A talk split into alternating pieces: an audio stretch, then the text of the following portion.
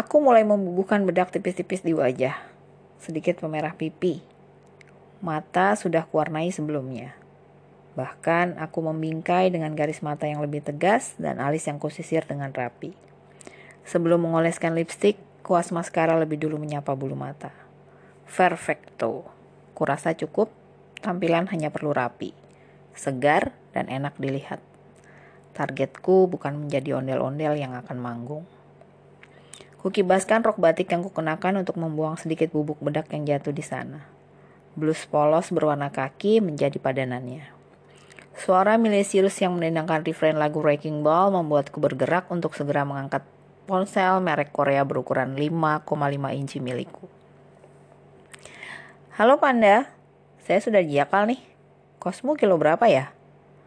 Tanpa salam, suara penelpon langsung membombardir telingaku. Kilometer tujuh setengah dekat Gardu. Kalau dari arah ring road, gangnya di sebelah kanan.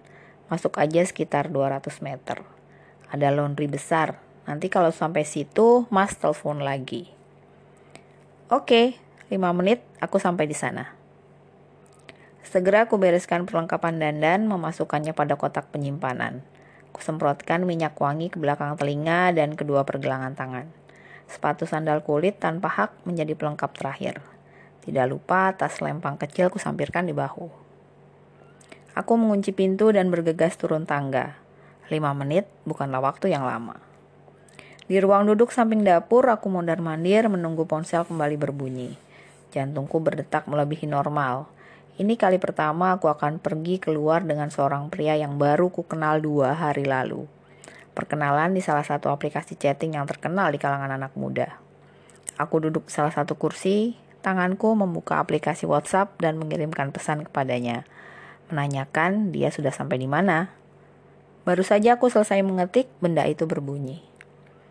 Aku sudah di depan. Terus ke mana? Mas lihat gagang di sebelah kiri. Mas lihat gang di sebelah kiri, pas di depan laundry. Masuk aja, nanti aku tunggu di pagar. Jawabku atas pertanyaannya. Aku bergegas menuju pintu pagar, membuka grendelnya, dan menuju pagar utama. Kosku cukup unik, ada dua pintu pagar. Pintu pertama digunakan untuk membatasi halaman rumah utama dan gang.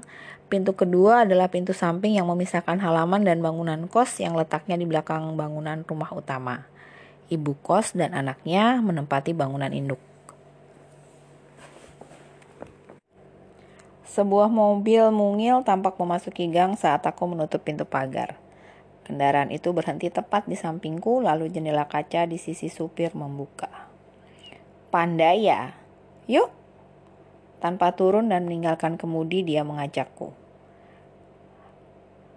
Ini lurus langsung nyambung ke perumahan di sebelah kan? Aku mengangguk menjawabnya. Tidak berani menatap langsung pada lelaki itu.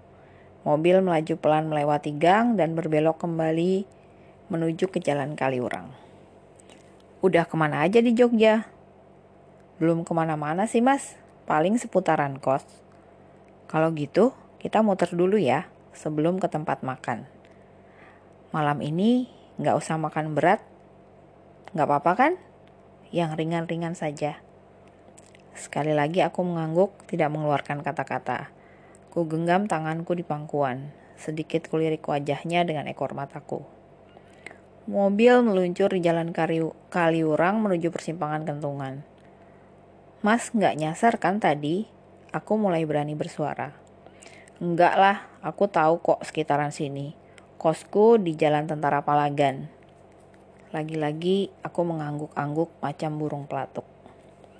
Sudah jalan-jalan ke Merapi? Lavatur,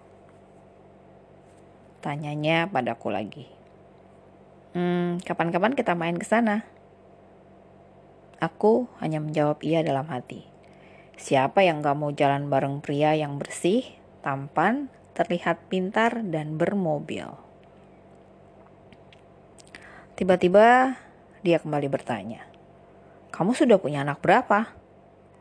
Pertanyaan itu membuat tubuhku miring ke kanan Kali ini aku langsung menatap padanya dan tidak mengalihkan pandangan dari kemudi dan jalanan.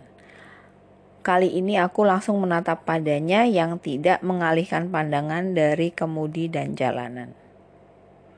Aku kelihatan tua ya? Sudah kayak ibu-ibu? Tanyaku dengan alis berkerut. Ah, maaf. Kamu single? Kukira... Mas mengira apa? Sambarku. Aku janda gitu. Uh, enggak sih Kupikir kamu pikiran masalah. Aku masih sendiri. Mas pikir kalau aku punya anak, aku bakal duduk di dalam mobil ini dan pergi bersama Mas. Aku masih menatap dia dengan tajam, menunggu penjelasan darinya. Enggak sih, melihat usia pada profilmu di aplikasi kita kenalan, kupikir kamu sudah menikah dan sekarang sedang sendiri. Maaf deh kalau gitu. Wanita memang suka sensi ya kalau bicara soal usia dan jodoh. Aku mendesah dan kembali membalikan badan menghadap ke depan. Iya, Mas Doni juga tidak salah. Di usiaku yang 33 tahun ini seharusnya aku memang sudah menikah. Mas kuliah juga di sini. Aku kembali membuka obrolan setelah kami hening agak lama mobil sudah meninggalkan jalan Kaliurang. Iya, saya di Fakultas Hukum. Sudah ceritakan kalau saya kerja di Kejaksaan Bantul? Baru 8 bulan saya pindah ke sana dan melanjutkan kuliah. Oh, dia jaksa rupanya. Seseorang yang tepat untuk dijadikan kandidat. Profesinya itu membutuhkan orang-orang pintar. Setidaknya pasti sudah banyak kasus-kasus kejahatan yang ditanganinya. Orang yang mampu menyelesaikan permasalahan hukum orang lain tentu sangat bisa menyelesaikan masalahnya sendiri. Ternyata dia bukan hanya tampan, tetapi juga menjanjikan. Sangat menjanjikan. Kubayangkan menjadi istri seorang jaksa yang sibuk dengan perkumpulan para istri, melakukan kegiatan sosial ke panti-panti. Pan, kok kamu senyum-senyum sendiri?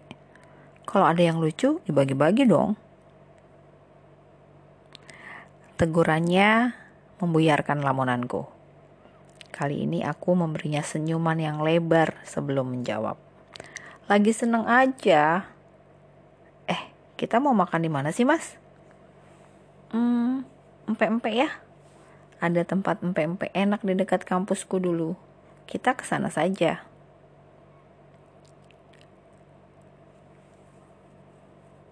Aku tersenyum lebih lebar. Ya, Mas, mau makan apa pun kalau sama kamu sih aku siap aja. Bahkan jika itu cuma bakwan goreng. Mendadak bintang-bintang bertebaran di atas kepalaku. Pan, kamu tahu nggak kalau Jogja ini dilingkupi dengan hal-hal mistis? Apa iya? Aku sih taunya Jogja itu kota sejuta kenangan yang selalu mencipta rindu. Itu kata lagu. Kamu tahu kan Nyi Roro Kidul, Sultan Jogja punya satu kamar khusus untuk tirakat menjumpai sang ratu itu.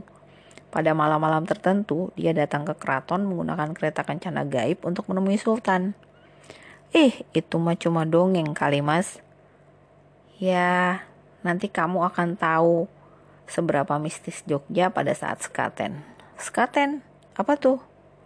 Upacara peringatan kelahiran Kanjeng Nabi Muhammad yang diadakan oleh Keraton Jogja dan Solo Nanti deh kamu ku ajak um, rasanya bulan depan ada pasar malam dan upacara-upacara gitu. Loh, apa hubungannya? Peringatan Maulid Nabi dengan Nyi Roro Kidul. Di mana letak mistis? Di mana letak mistisnya? Mas ngarang nih. Aku mencoba mengalihkan jantung yang kembali berdebar. Ajakannya untuk menikmati acara skaten merupakan kode bahwa kami akan bertemu lagi. Pertemuan pertama ini akan diikuti dengan pertemuan kedua, ketiga, keempat, dan seterusnya. Aku kembali berbunga-bunga. Van, kok ngarang sih?